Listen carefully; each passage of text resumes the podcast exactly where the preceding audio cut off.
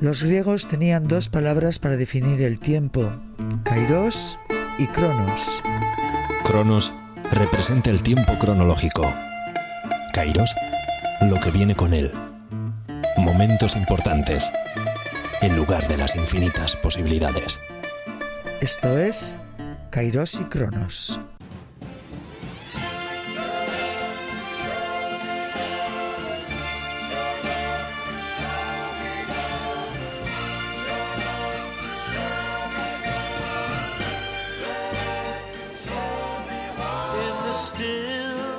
Hola, ¿qué tal? Comenzamos el programa hoy con esta conocidísima canción que a finales de los años 50 cantaba Paul Anka. Nuestro invitado de hoy pues es músico, cantautor, cantante, lo que ustedes prefieran. Es Josian Larrañaga, donostiarra de Amara Viejo, de la Plaza EASO. Siendo mm, un adolescente comenzó en el mundo de la música formando uno de los primeros grupos de rock and roll de esta ciudad de Donostia, Los Corsarios casi 50 años en los escenarios e infinidad de recitales a sus espaldas y no con los corsarios, precisamente el solo acompañado de distintos músicos.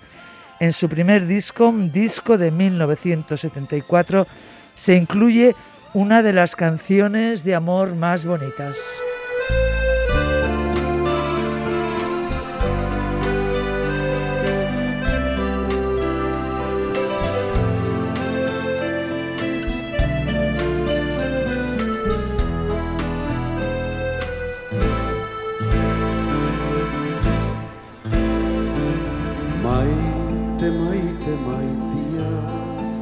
Hola, Josian, ¿qué tal? Hola, Egunon. Muy bien, tranquilito. Urco, no sé cómo prefieres que te llame. Josian. Aquí, aquí Urco, En, la calle Josian. Vale, Josian y Urco, Urco y Josian, eso es lo mismo. No, yo tengo, yo lo tengo muy claro, lo he tenido siempre claro. Yo, Josian es un chico de Amara, no Amara viejo, Amara. Amara, perdón. de Amara que por circunstancias X de la vida se vio metido en el mundo de la música. Yo he sido yo iba para ejecutivo agresivo por mis estudios y por cómo trabajaba en una fábrica. Yo con 24 años ya estaba en una fábrica de jefe de ventas y cosas así. Yo lanzado por ese camino. Las circunstancias me lanzaron, aunque ya venía yo de músicas, lo que dices de los corsarios y todo aquello.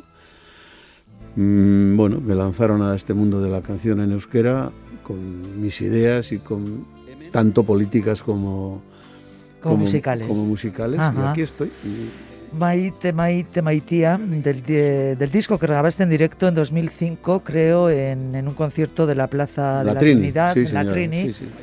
Parece que fue ayer. Sí, yo, creo que, es, creo que esa junto con lo último que he hecho es la mejor versión del Maite, porque la primera versión, la del disco Sakonki, que se grabó en el 70 y tantos, 4 o 5, no sé qué año, aquello era, yo la verdad que fui a Madrid a grabar como un automata. O sea, llegué a Madrid, me quedé Sí, porque aquí, aquí, aquí tuve problemas para grabar aquí en Euskadi, ¿no? Por circunstancias X, yo no, pues nadie me quería grabar un disco. Entonces, nadie, los, que había, que había uno solo. O sea que. O sea, ese no quería. Ese no quería, porque no, yo, yo fumaba rubio y ellos fumaban negro. Y entonces me fui a Madrid y tuve la inmensa suerte de que me.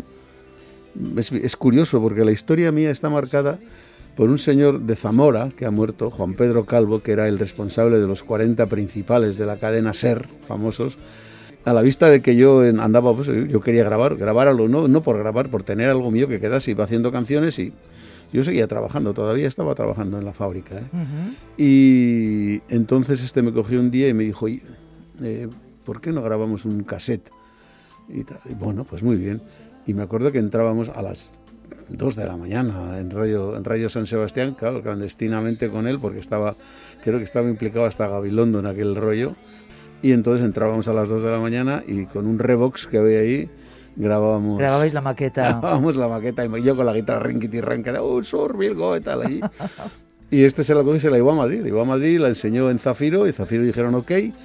Me asignaron un arreglista que fue curiosísimo y, y, y, y Turralde que ha muerto Javier, como, fue como mi hermano, esos, los dos hermanos, saxofonista y arreglista. Y, Javier Iturralde cuando me llamó por teléfono para decirme, oye, yo voy a ser el arreglista, joder, digo, joder, me ha tocado el viejo amigo que tengo las ideas diferentes, bastante claras.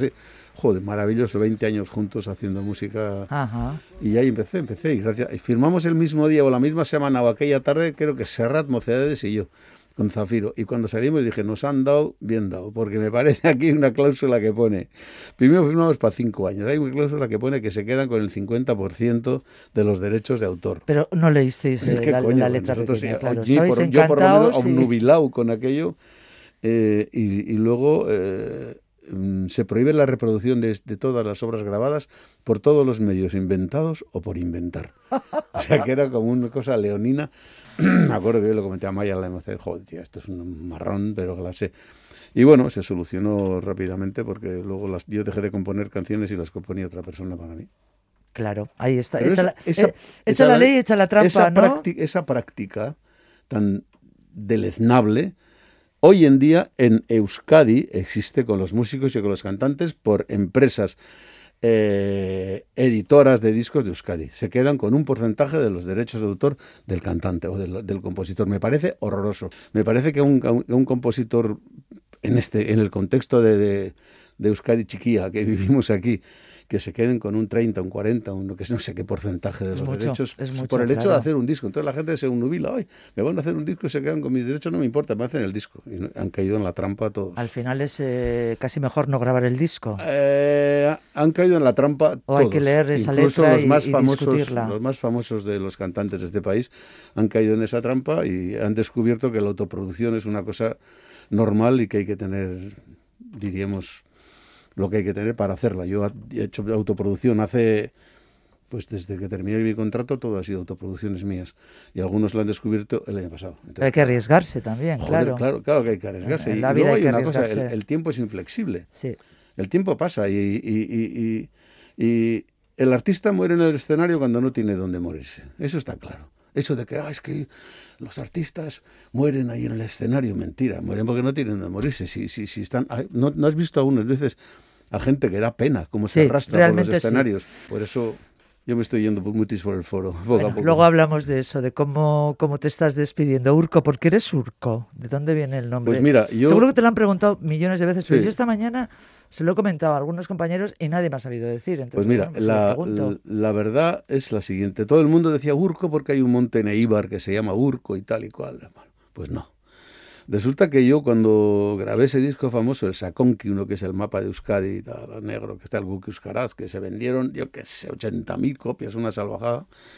Cuando grabé ese disco, yo me asusté, dije, joder, yo, pues, si me pongo, antes de ponerme el nombre, si, si yo salgo con el nombre de José Larrañaga, que era más conocido que la Chelito ya en Donosti, o sea, va a ser una locura esto, con lo bien que vivo yo, con lo tranquilo que estoy, Pero vamos a ver, ¿por qué eras tan conocido en Donosti? pues porque eras andaba una- metido en los grupos de rock and roll, Eh. porque andaba metido en, en- en la bronca ya, Ya. en la bronca política de todo tipo, porque andaba en todos esos jaleos, yo estaba muy metido en todos los líos. Ajá.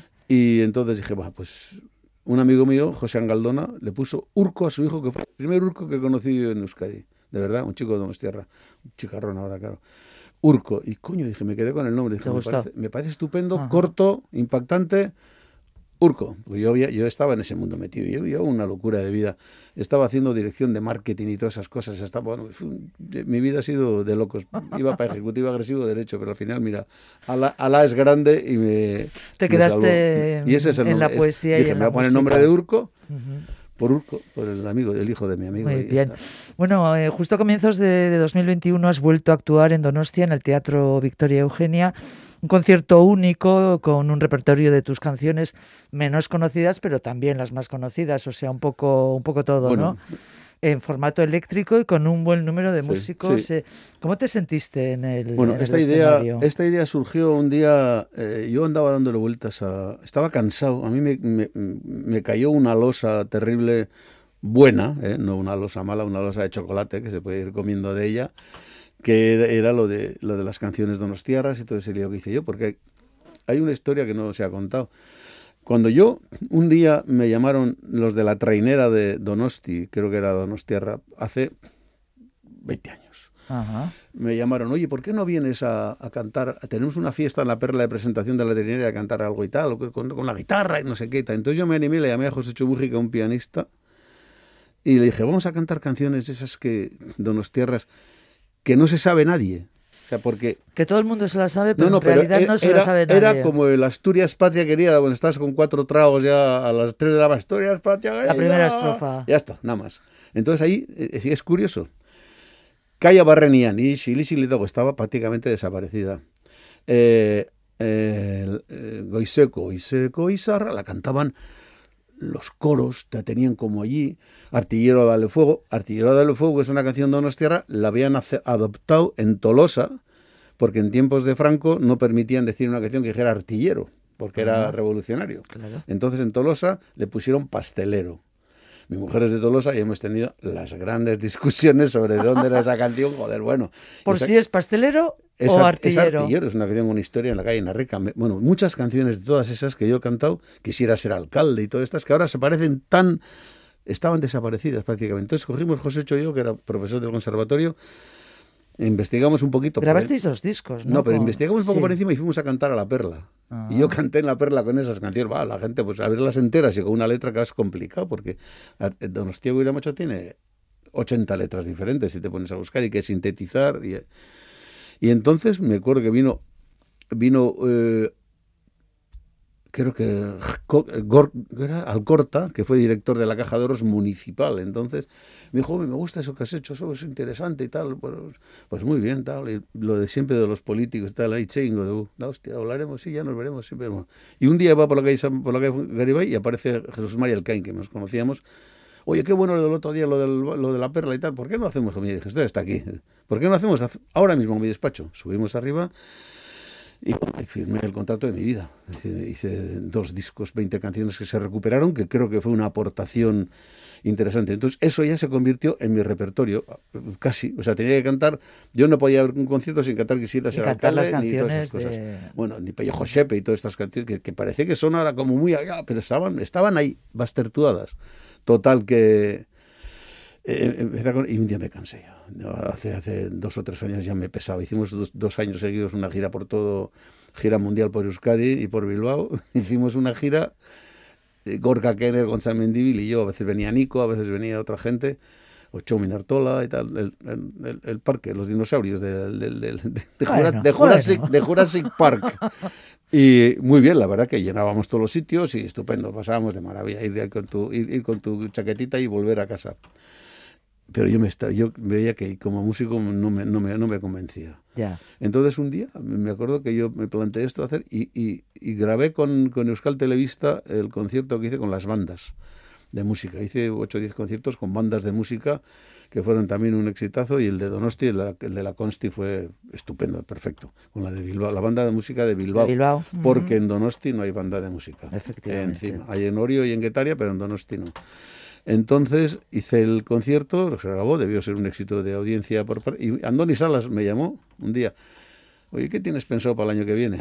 Yo no tengo pensado nada, vivir. Y empecé a dar vueltas a la idea de ese Saunac. Y dice, voy a cantar mis canciones que no canto nunca. Y el concierto este fue, bueno, después tuve la inmensa suerte de que con, con, la persona que hace de manager mío, Joaquín Zamarvide, de Inaut, de Pamplona, uno de los promotores del rock radical vasco de aquellos tiempos, bellísima persona y buen profesional. Fuimos a estar con Miguel Martín, Miguel Martín, que me parece uno de los hombres con, unos hombres con mejor visión musical, el director del Festival de Jazz. Le explicamos el asunto, Miguel lo entendió, no se discutió muy poquito sobre el caché porque es un concierto caro. Y ya está. Y ¿Cuántos estabais en el escenario? ¿Estabas con Estábamos ocho músicos, y yo nueve. Siete músicos y yo ocho. Y luego vinieron el brasileño, con la cuica y con el pandeiro y tal. Había un momento que habíamos, estábamos 11 músicos. Fue muy complicado. Para todo el concierto se hicieron, yo encargué partituras para, de todas las canciones. Parte de las hizo Iñaki Salvador y parte de las hizo Iñaki Urquizu, que es con el que he trabajado siempre. como Y todos los músicos con papeles. Eso está clarísimo.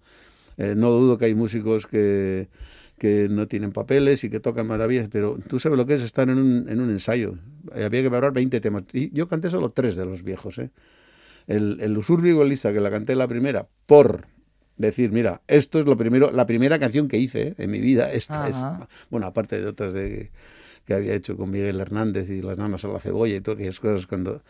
Luego eh, canté Donostia Coyo de Macho porque hay una parte de improvisación que me inventé cuando grabé el disco al final, jazzística, que tocó Iñaki Salvador y, y Pirata con el saxo. Y luego no toqué más. Y en el bis dejé el Maite, Maite, Maite para el bis. O sea, que decirte que fue... Entonces yo encargué los arreglos y es maravilloso estar trabajando con músicos que de repente Javier Pérez de Azpeitia, que era el director musical de todos, decir, a ver, vamos al 63, segunda parte, pum, joder, ¡pum!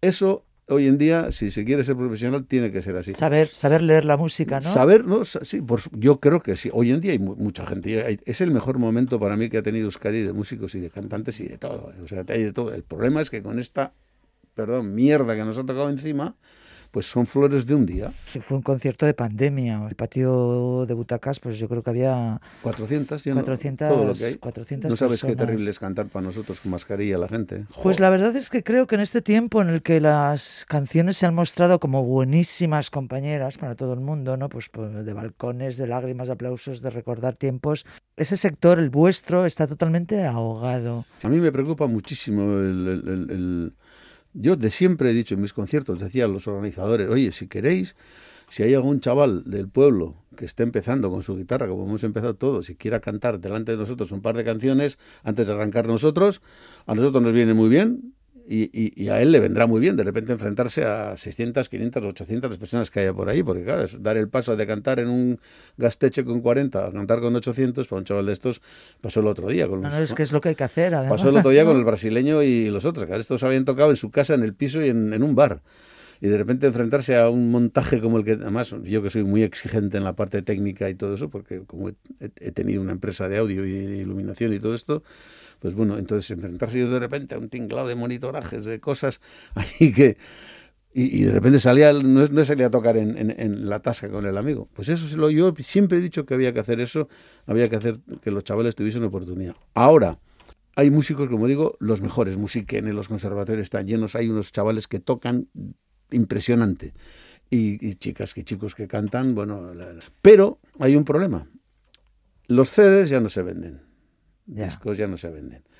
Eh, las promociones de las emisoras y todo es, quitando quizás Radio Euskadi, Euskadi Gastea, que tiene música y todas estas cosas, el resto de emisoras, Onda Cero, La Copeta, de música tendrán un 1%, no hay, no ponen nunca, o sea, además siempre ponen todo corriendo. El otro día me llamó un amigo y me dijo, oye, que están poniendo el Google Euskaraz en Radio Nacional de España y tal, la Pepa no sé qué, como una cosa, oh, fíjate una canción en euskera no, no se oye música. Si no son emisoras de esto, no se oye nada de música. Es verdad que son ráfagas normalmente. No dejamos un disco, una canción entera. ni, además, además ocurre que nadie eh, ya no se preocupa. Antes eh, se preocupaban de, cuando sacabas un disco que había pasado, que no sé qué.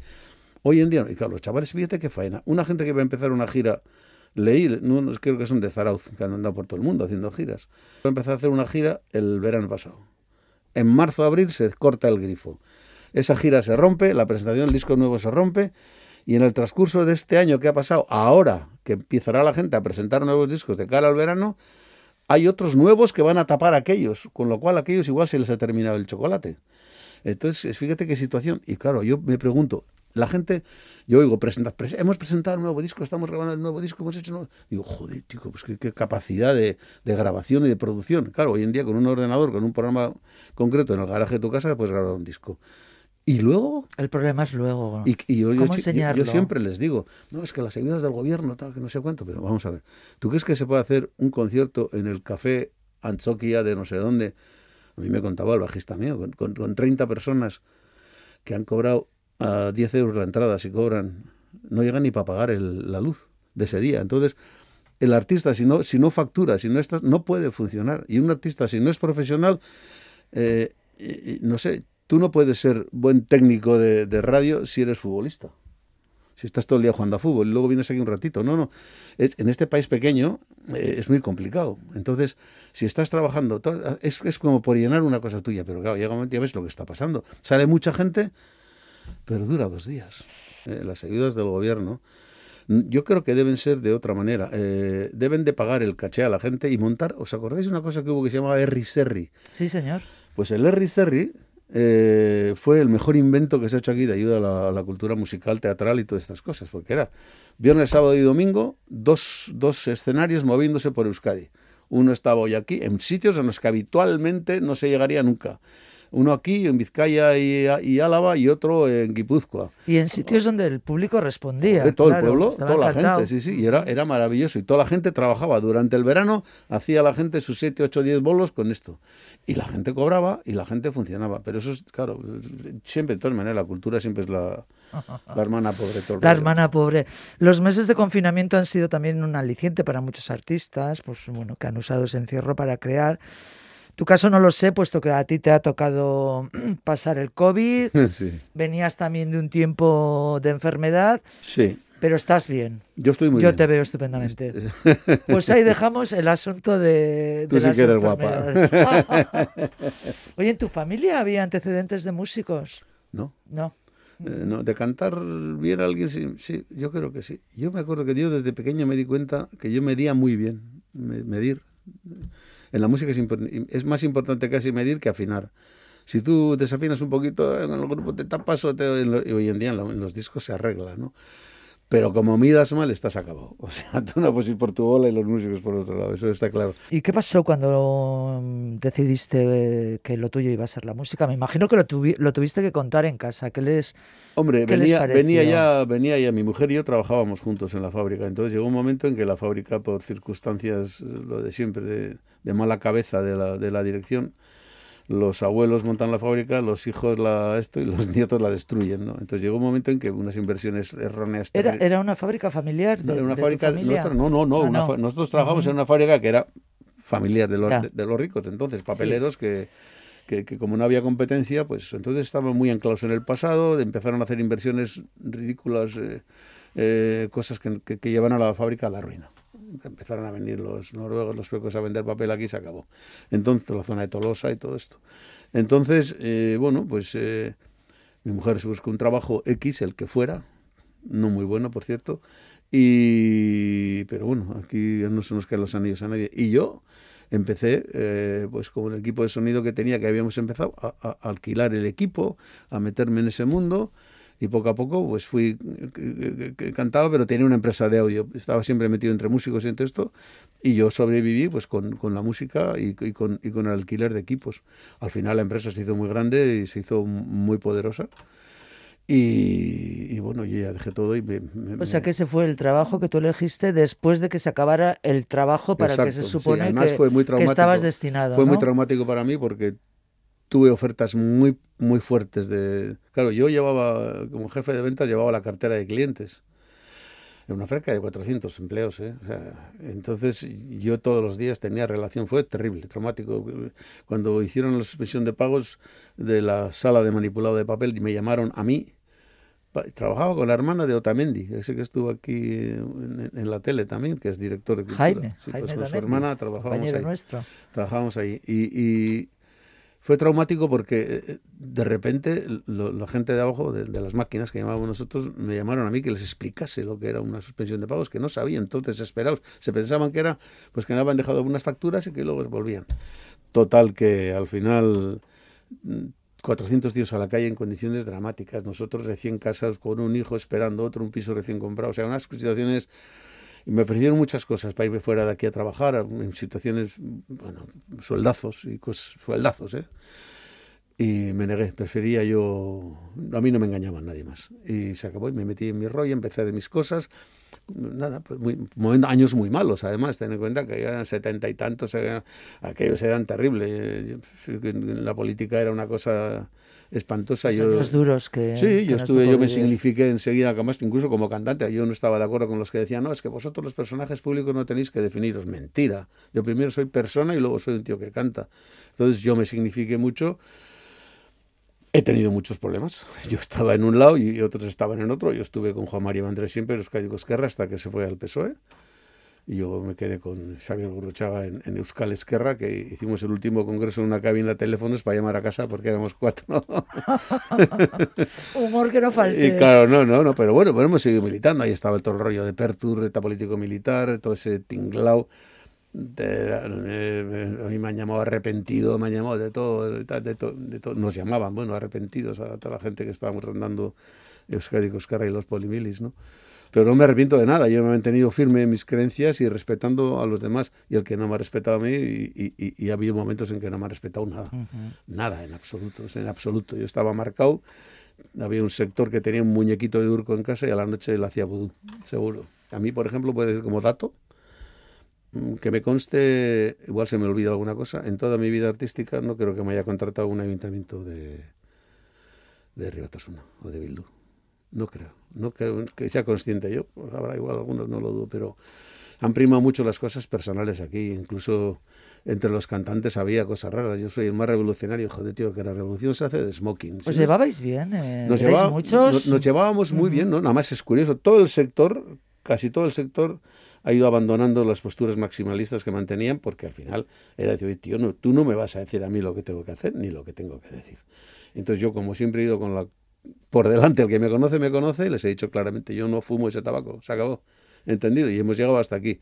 El año 82 fue definitivo, se acabó la lucha armada por parte de los polimilis, aquí se acaba la película, para todos, y el que no la acabe, pues ya ves qué consecuencias ha tenido al final. Entonces, bueno, pues eso era terrible, que hubiese gente que nos planteásemos eso era terrible, pero bueno, yo estoy contento, yo estoy contento. Pero de todas maneras, no me ha quedado claro cuándo tú decides, eh, bueno, voy a cantar, voy a cantar porque está muy bien esto de, yo en la fábrica, de, mi empresa. no, pero antes, antes, yo en la fábrica cuando yo, yo, ya cantaba en cenas y así con mis amigos. No, no, pero yo me refiero ah, a nivel a nivel, pues, profesional. Pues, pues, en realidad... Eh, en los años 80, por ahí, ya empecé yo a tomar conciencia. Claro, había muy duro, eh, te pagaban los viajes y la cena a veces, y, encima salías corriendo si no salías, si no salías a palos de porque ha venido la Guardia Civil, te detenían, te preguntaban y tal, eh, quiero salvar a Euskadi al comunismo, joder, que yo no soy comunista. además te tocó estudiar, bueno, decidiste estudiar euskera, ¿no? Sí, yo me fui, yo me fui, a mí era, era un cachondeo aquello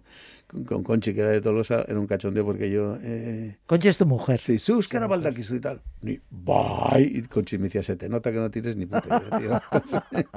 Eh, entonces cogí, eh, trabajaba en la fábrica y me fui dos meses el verano a, a, a un caserío de Verasti, Ameri, con el que tengo una deuda bueno, impagable y me he portado, no creo que me he portado muy bien porque hace muchísimo tiempo que no he vuelto de ellos porque no sé. Nos vamos olvidando, nos vamos olvidando. Sí, pero no, yo creo que tengo eso pendiente, no sé, no tengo pendiente eso. Y allí me, venía yo, que yo trabajaba de corbata y traje y tal. Entonces salía de la fábrica los primeros días, era la hostia, llegaba yo ahí con una maleta llena de libros, una guitarra y de corbata al caserío, bueno, sabemos y tal.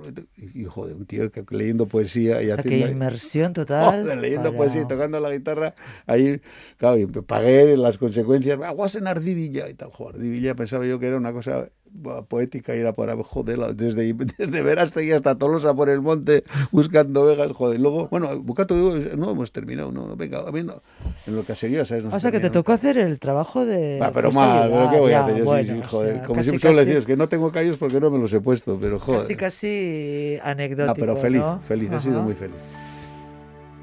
Oh.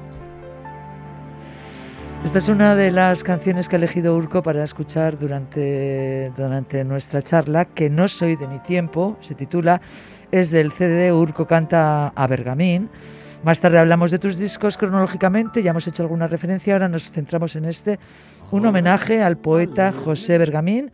Escuchamos la canción y hablamos de este poeta. No soy de mi tiempo, del mío sí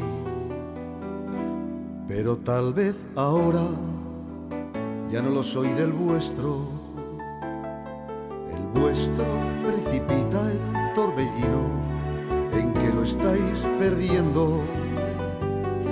El mío es un remanso sosegado, lo mismo que un espejo. En estas soledades en que vivo, me miráis como a un muerto sin ver que es otra vida y otro mundo lo que yo llevo dentro.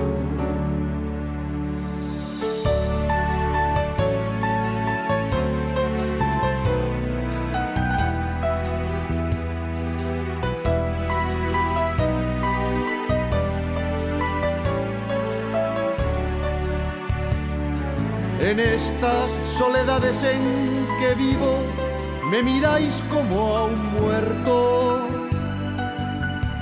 sin ver que es otra vida y otro mundo lo que yo llevo dentro, lo que yo llevo dentro, lo que yo llevo dentro.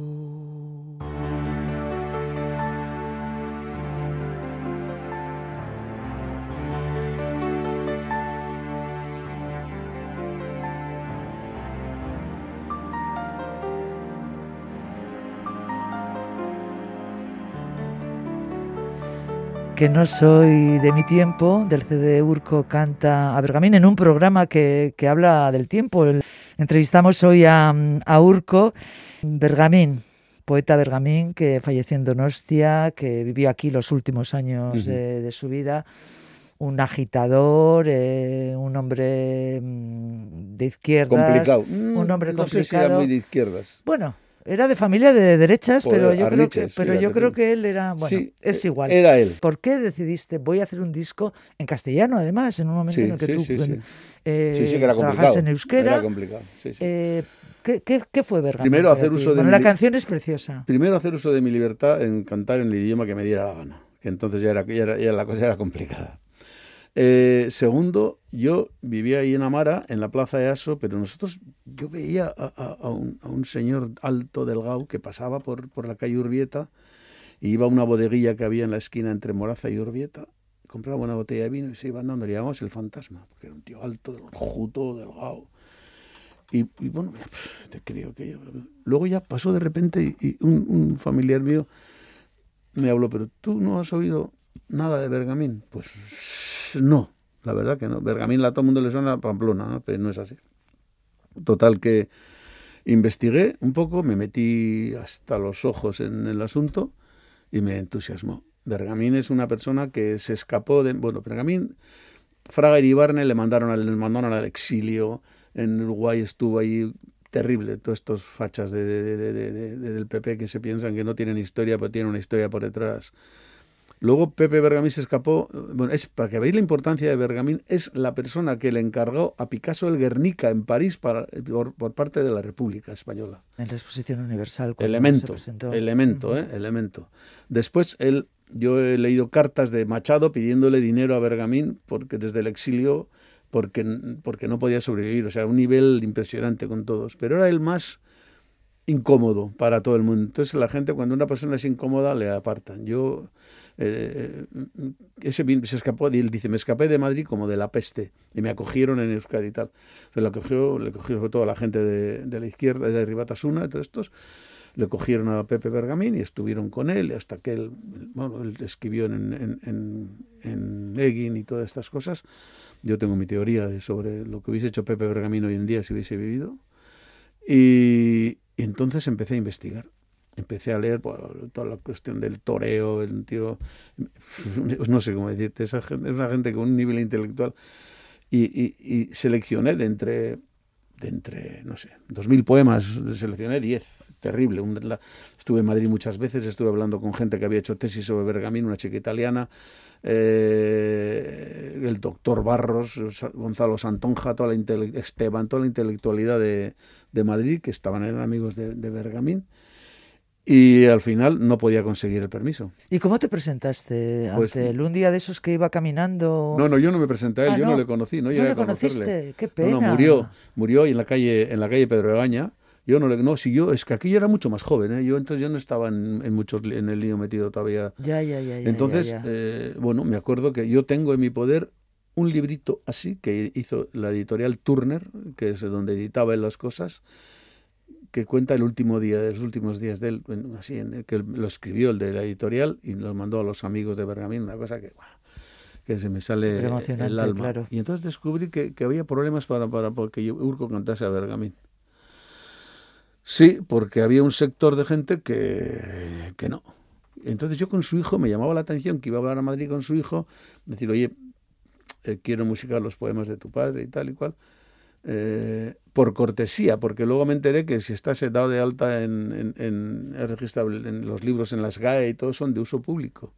Eh, siempre que se use para no, no, no para hacer una canción porno ni nada así. Entonces, pero yo le pedía y le pedía, fui varias veces a hablar con él, no podía, no podía, no podía. Y hasta que un día me, me planté aquí con gente que yo sabía que estaba haciendo eso y lo que escuché fue me dejó helado de una persona que, que estaba en Egin trabajando entonces, me dijo, igual, es, igual hay gente que prefiere que Bergamín siga enterrado a que lo cante un cantautor de, de Euskadi. Elegí esta canción y lo tenía en el concierto también, porque Bergamín era un tío, yo no sé si era creyente o creía en Dios, yo tengo siempre tiene mis dos, creo que sí, no sé, no sé, porque hay otra canción que es ¿Por qué? que está en el disco también, que, que porque tú que sabes tantas cosas, no sé a quién se dirige a Dios o a quién se dirigirá. Y esta lo dije, que yo no soy de mi tiempo, lo que quizás no soy es del vuestro. Esa, es, eso, esa tiene mucha es una, es una letra, desde luego, que, te hace pensar. Es un disco que, que, creo que grabaste en 1996 y que lamentablemente pues eh, pasó un poco desapercibido. Muchos se preocuparon de que, no, de que ese disco en Euskadi no se oyera. En cambio, a nivel nacional se vendió muchísimo entre la gente diremos, del mundo de la cultura, de la poesía y de todo esto, porque es el único disco que existe completo grabado a José Bergamín y bueno, ya son, son aguas pasadas y al final yo creo que el tiempo pone a cada uno en su sitio. Y, que está ahí el disco, ese reconocimiento al poeta. Yo lo que he cuidado mucho siempre ha sido las músicas y la parte de producción. O sea, yo eh, no es no porque sea una canciones de de mucha bronca. Fíjate la cantata que hicimos a Chiqui Otaegui, hicimos con Orquesta Sinfónica Madre, con los coros, los coros de, de Radio Televisión Española cantando a Berri a Ley, Euskadi a Lail. Me decía Iturralde, vamos a ir a la cárcel, tú, el técnico, el dueño del local, todo el mundo, porque si esto descubre lo que están cantando. Y todo el público, ¿no? Oh, no, era un estudio, joder, todo, vais a la cárcel todos. Oye, eh, antes eh, mm, me contabas cómo, cómo grabaste aquella, aquella maqueta. Pero cuando grabaste tu primer disco, Sakonki, eh, ¿cómo fue? Porque era nuevo para ti lo de grabar, evidentemente. Pues llegar a Madrid, primero le conocí a Iturralde, que me pareció ya más joven que por teléfono, y yo le mandé las maquetas, él hizo los, él hizo los arreglos, pero yo no, he, yo no he dejado nunca que se me escapen los arreglos sin meter mano yo. Yo antes de grabar, eh, o antes de mezclar, o antes ahora mismo en el concierto del Heterogéneo, antes de, de, entregar la mezcla definitiva de TV, yo estaba en el estudio, he, he estado presente, limando, no sé de los que hacen las cosas. Y entonces con Iturralde llegamos al estudio y yo me quedé. A eso se llama ser muy exigente, ¿no? Yo sí. Yo en, yo en el escenario reconozco que soy zorroza, y, pero muy... Luego soy el más jodista de todos, ¿eh? pero nosotros vamos a tocar a un sitio, vamos a cantar, vamos a tocar ante un público que ha pagado por ver un espectáculo. Entonces tenemos que tener un respeto con esa gente en todos los sentidos, en el estético y en el, en el, artístico. Y, y llegué al estudio y me acuerdo que estaba Luis Fernández Soria, de técnico, con una mesa solid state más grande que este que esto y joder me quedé acojonado digo bueno ¿qué, ¿qué, pasa y me dice Luis que Luis fue el responsable después de todo el servicio de audio del grupo de Antena 3. Y me dice, eh, ¿qué pasa, José? ¿Qué, ¿Eres mudo? No, pues ya vale, venga, adelante. y claro, empezaron a pasar músicos por ahí, pues, los mejores músicos de estudio que había en Madrid, gente que me quedaba acojonado. Llegaban, cogían la partitura, que había escrito dos notitas. Estaban conmigo grabando seis horas y luego tenía otras tres horas para grabar con Marifé de Triana, lo que les ponían delante. y muy bien, y fue un exitazo aquello. Luego grabaste eh, un disco en directo, que no sé si se habían grabado aquí nunca. Era eh, fue una experiencia eh, en euskera, por lo menos. Se habían grabado, me acuerdo, en Colombia grababan, traían una grabadora para grabar a cantantes de, de clásico y estas cosas. Pero en un teatro con una unidad móvil y con esto, nunca. Bueno, es más, eh, nosotros en el escenario que ahora tenemos cada uno, yo tengo cuatro monitores para mí, eh, uno cada músico, se envió cada músico, su todo, todo, y allí teníamos un monitor para todos delante en el suelo y un equipo de sonido que las cajas serían como, no sé, un poco más grandes que esto en el príncipe, en el principal, en el príncipe, allí, en al lado del mar.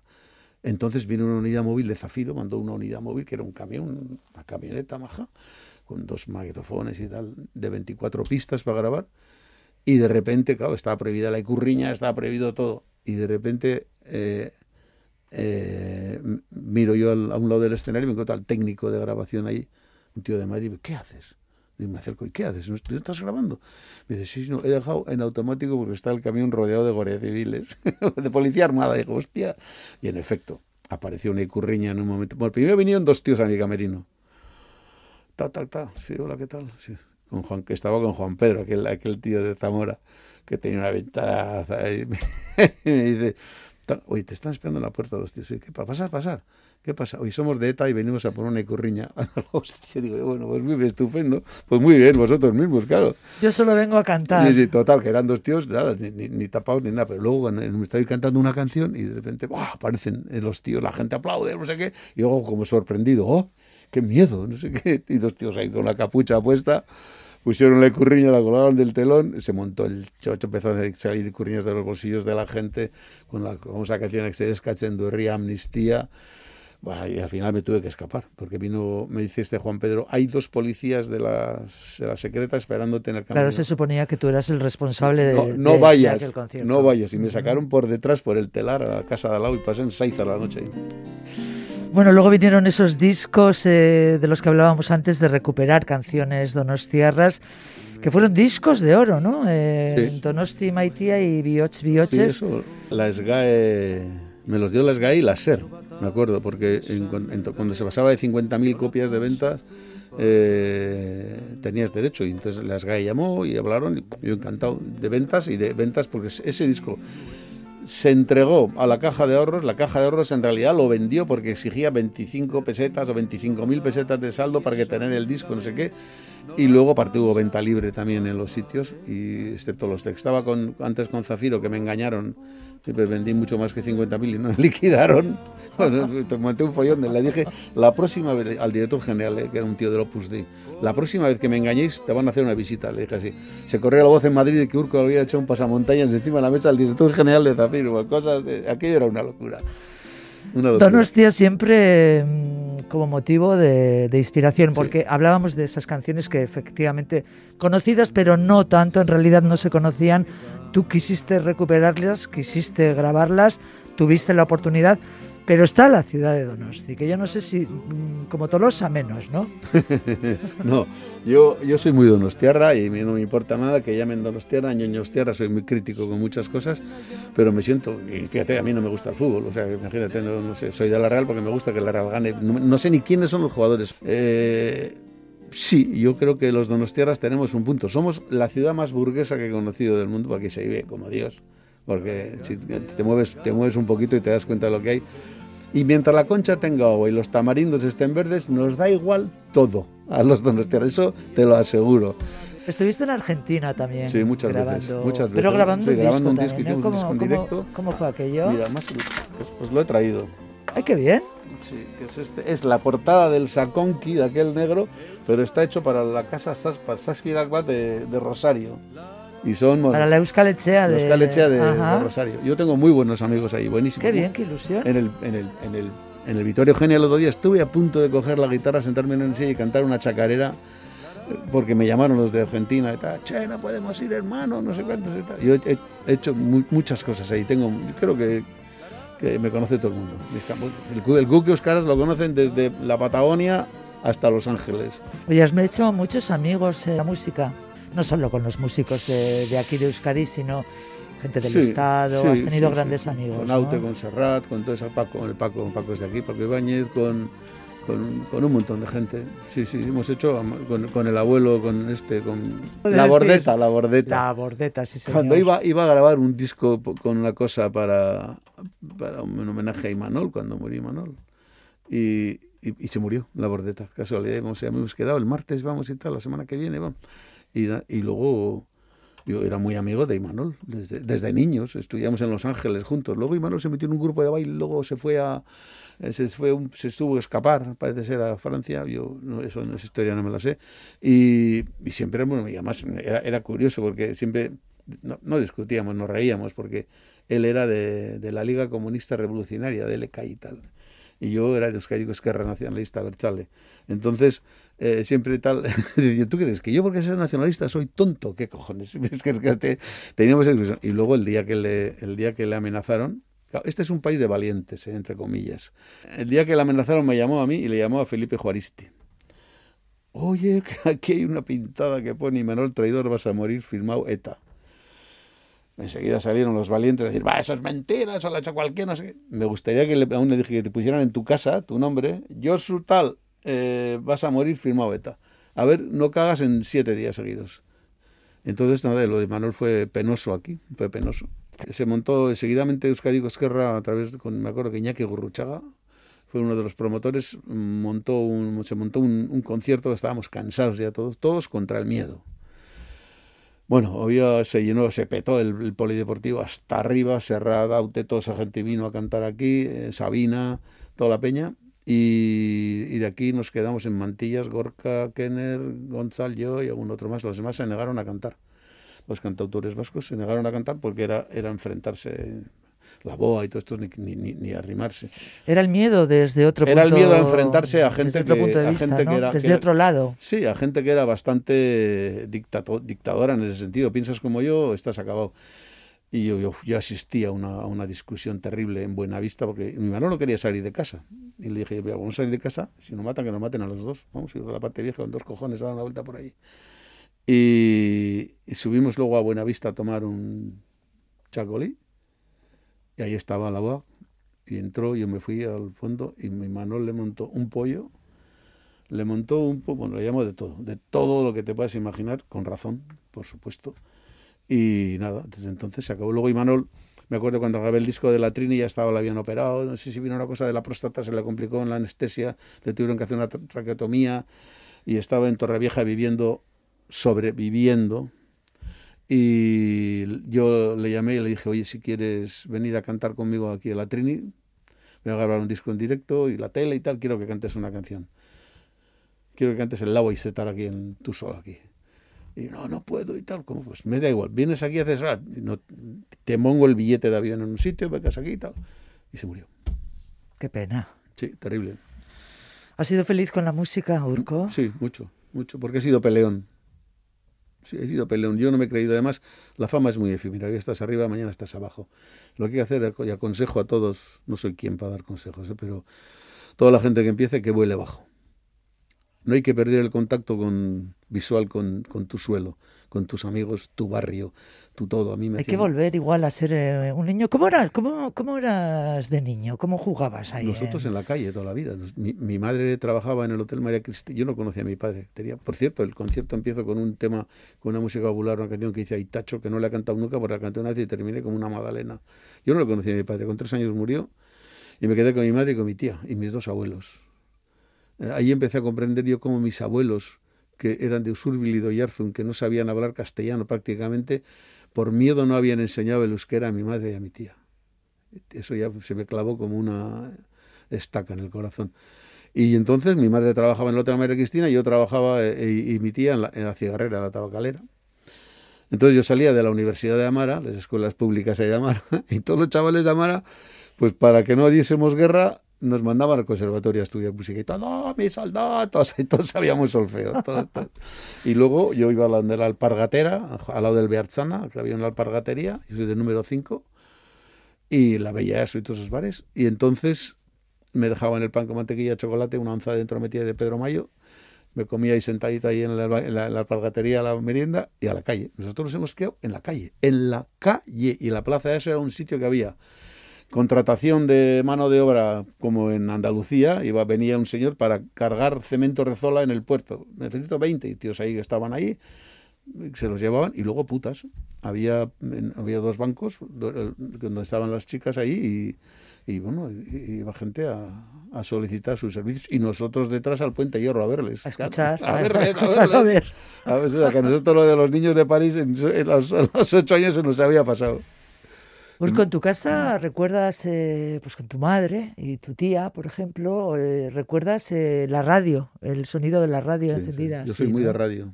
Yo soy muy de radio, muchísimo. Muchísimo. No teníamos dinero, no había nada. Cuando vino la televisión, en la vecindad no estaba una televisión. Ya. te digo, mira, Rafaelito, yo me crié con Rafa Ruiz Valerdi, el pintor, y con Pedro Ruiz Valerdi, el abogado, que fue uno de los abogados del juicio de Burgos, además después. Y yo con Rafa, con Rafa me crié y en su casa tenía una televisión, joder, a las ocho o nueve y media ver la televisión a casa de Rafa, todos ahí.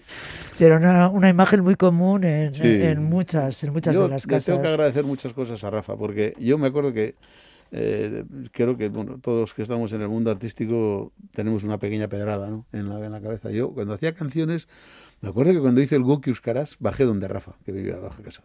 siempre estaba pintando y tal. Hoy he hecho una canción, no sé qué, he hecho una canción, me dice, esta canción te van a odiar los padres de los niños porque en el coche la van a machacar. Y, y, y en efecto, lo que buscarás ha sido yo tengo igual. Hombre, ha sido un himno, evidentemente. Ya no es mía, es de todos. Es de todos, es de todos. ¿Vas a seguir dando conciertos o, lo dejas? Antes hablabas de, ir despidiendo. Yo de hacer haría este concierto de nuevo, pero este concierto es, complicado. Hay que hacerlo en teatro y lo haría o en el Arriaga o en el Euskalduna, pero bien financiado y con buena historia. Yo ya no estoy para cantar en un escenario que detrás ponga Transporte Hermano bueno, pues ojalá, ojalá sea así, se pueda volver a hacer ese concierto, que costó mucho trabajo hacerlo y es una pena que solo se haga una vez. Esta es otra de tus piezas musicales, el Nessun Dorma del área del acto final de la ópera Turandot de Puccini, la pieza que has elegido, cantada por Pavarotti, que es el que mejor la canta, según dicen para mí es inexplicable que puedan sacar esa potencia de voz. Yo estoy recibiendo clases de canto ¿eh? todavía. ¿Ah, sí? Sí, sí, sí. sí hay que, y he notado en este concierto, he estado cuatro meses recibiendo clases y, y siempre digo, tuve que dejar antes porque se me estaba poniendo la voz de tenor que tengo aquí, así un poco que cantaba, no sé, a ver, pero esto, como decía Iturralde, le daría 10 años de vida por dirigir la orquesta de Frank Sinatra, ¿no? Pues yo ya 10 años no puedo dar, pero un poquito igual sí. La verdad es que es una canción, un área preciosa. Lo dejamos aquí, Urco. A mí se me ha hecho cortísima este, este, tiempo. Muchísimas gracias, ricasco, por haber, eh, por, haber venido. En la técnica Miquel Olazabal, el saludo de Marijose Villaverde. Agur.